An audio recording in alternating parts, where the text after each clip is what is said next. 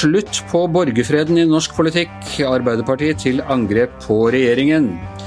Og hva er det Merkel gjør som ikke Trump får til? Dette er Gjevrøy-gjengen. Det er onsdag den 29. april, og jeg har med meg Per Olav Ødegaard og Astrid Mæland.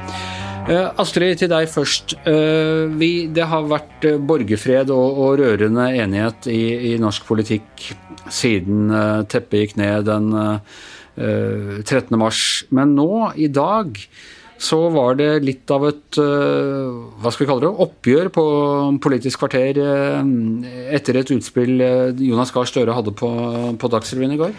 Ja, I dag har det også vært den første spørretimen i Stortinget, der Arbeiderpartiet fortsetter på samme løpet. De har altså nå begynt å angripe regjeringa for koronastrategien.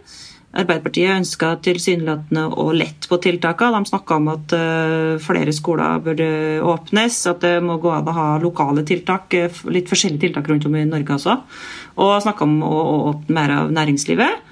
Eh, og så etterlyser de en exit-strategi for regjeringa og helseminister Bent Høie. De lurer på hva som er veien videre, rett og slett. Og det her eh, kom helseminister Bent Høie i Stortinget og svarte på i dag. Og han var òg i Politisk kvarter i dag tidlig på NRK og prøvde å svare på det. Men jeg er fortsatt litt i stuss, jeg syns eh, egentlig Arbeiderpartiet stiller gode spørsmål her.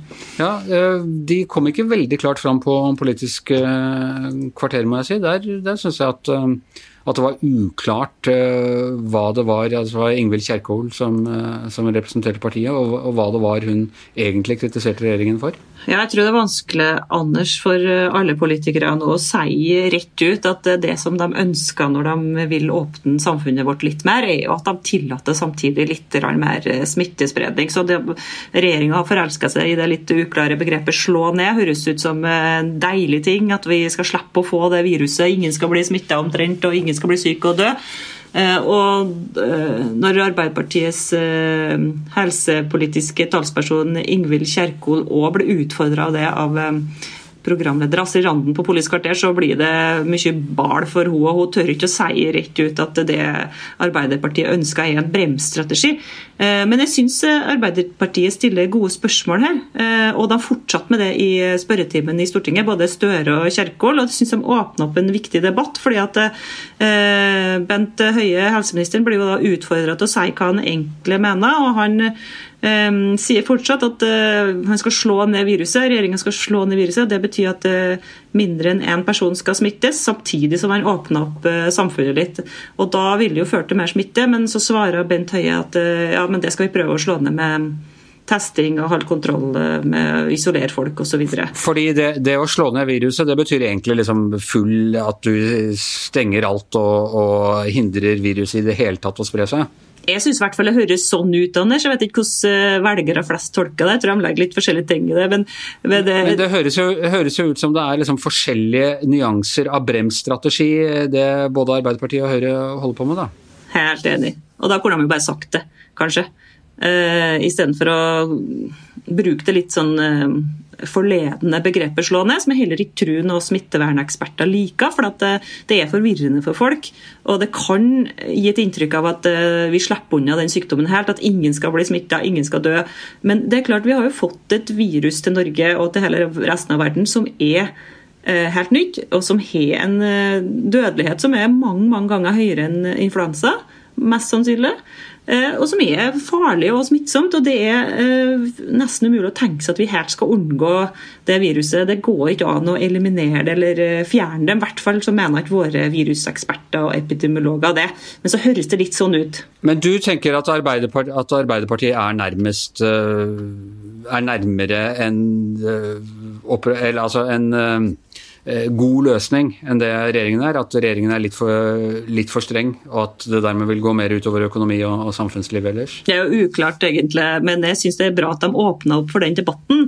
For det som vi trenger å få vite et svar på, er jo hva regjeringa vår vil gjøre hvis det smittetallet går over én. Vil de da stenge samfunnet igjen? Vil de stenge barnehager, skoler? Hva er strategien videre? Vil vi akseptere en eh, liten økning i, i smittespredninga, eller er det full stopp hvis vi får, går to uker nå og så ser vi at det er litt flere som smitter. Altså det, det syns jeg vi godt kan få et svar på. Så vet jeg Det er vanskelig å si hva som har rett. sånn. Det er jo naturlig at det oppstår en diskusjon om å åpne mer av samfunnet nå. Det er jo kjempesterke næringslivsinteresser som presser på for det, selvfølgelig.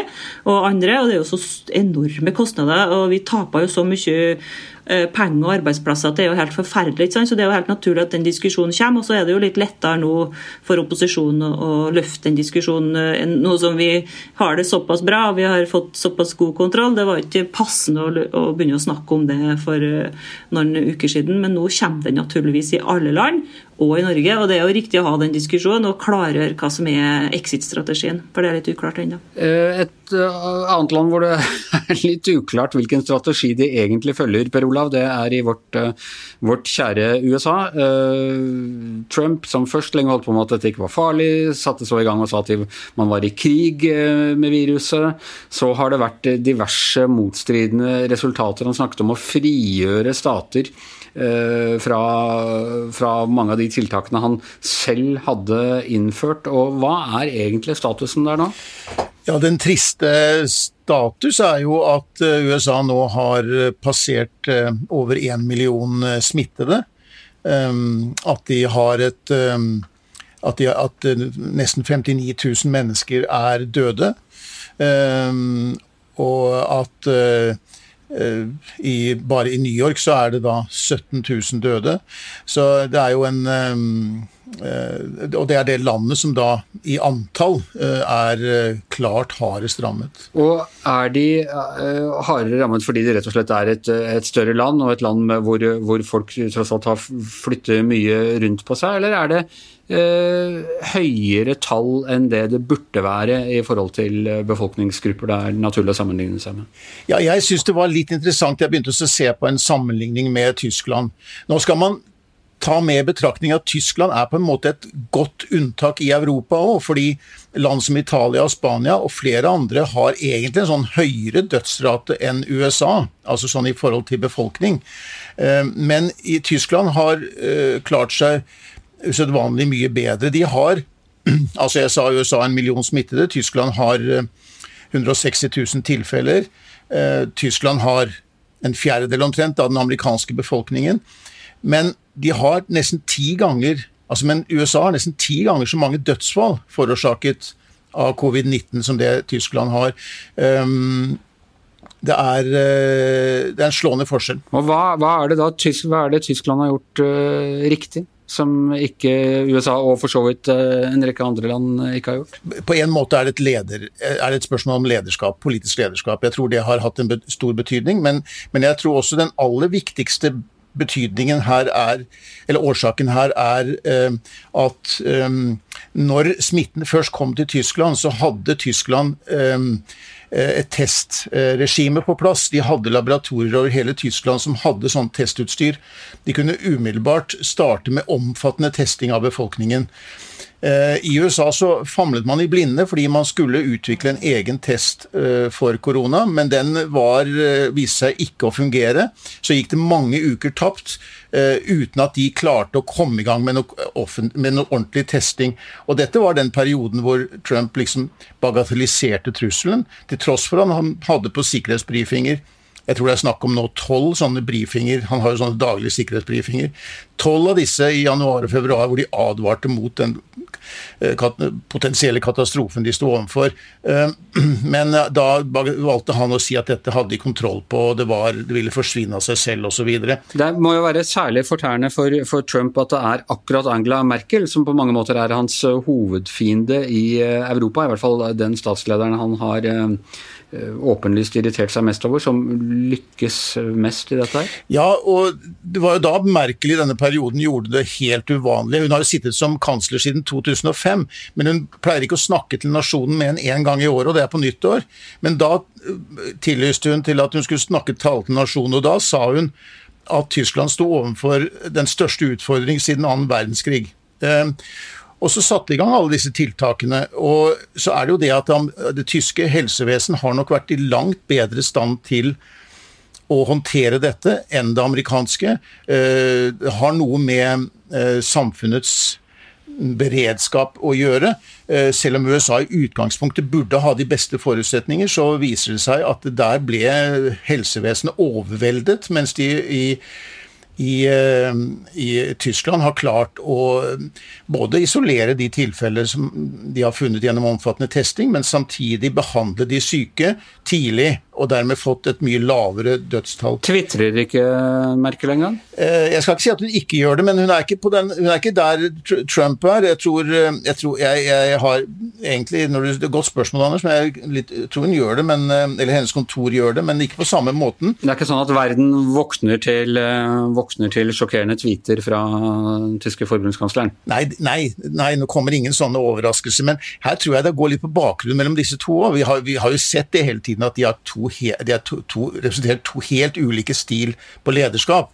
Men altså, må huske at Merkel er jo denne vitenskapskvinnen ikke sant, med utdannelse, doktorgrad i kjemi osv. Hun, hun har en sånn vitenskapelig tilnærming til dette her. Jo, men Trump har jo han har, Onkelen hans har vært lege, og han har arva noen sånn litt sånn klarvoyante evner når det gjelder å se inn i fremtiden, så han har, han har sine styrker her, han også. Jo, men han, og det, Trump skal jo ha det at han noen ganger har sagt 'jeg er ingen lege', men han kommer jo samtidig med en rekke råd som er basert på han, han kommer med medisiners og han er villig til å prøve, prøve uortodokse veier, som f.eks. Å, å drive med indre belysning og kanskje injisere seg med antibac og litt sånn ikke bare Tenke litt utafor boksen. Ja, og det er nå vi skal si, Anders, at dette skal vi ikke prøve hjemme. Nei, nei, ja. nei. Men, men, men, ja da, og han kom også, med, han kom også med, med, Han markedsførte noen medisiner som ikke har noe dokumenterbar effekt, og kanskje tilfelle, i noen tilfeller være farlig å bruke. Han sa at han trodde de kanskje kunne virke, men, og at han ofte hadde rett, men han kunne ikke garantere det. Ja, Men uh, Trump er jo nesten daglig på disse pressekonferansene sine, hvor han jo Men der er det jo en gjennomgang som går veldig mye på selvskryt, ansvarsfraskrivelse og hets av de journalistene som er til stede. Og, og man kan si at Merkel har en veldig annen tilnærming til dette her, hvor hun baserer seg veldig på på fakta og autoritet. Men nå kan man jo se, man kan jo måle hva effekten er av disse to former for lederstil. Merkel har en høyere oppslutning enn Neste har hatt i sin tid som kansler, og et stort flertall av befolkningen har veldig stor tillit til henne. Og jeg så en måling nå som Associated Press uh, hadde, som viste at bare 23% av amerikanerne synes Trump er en tillitsvekkende kilde til informasjon om viruset. Ja, Mens uh, et par og 40 uh, approver av det han driver med. ja, de, ja, han har beholdt den grunnfjellet sitt, han har det. ok, det blir jo uh, spennende å se. Jeg leste en analyse i dag, man har jo lurt på hvorfor Joe Biden ikke er mer til stede.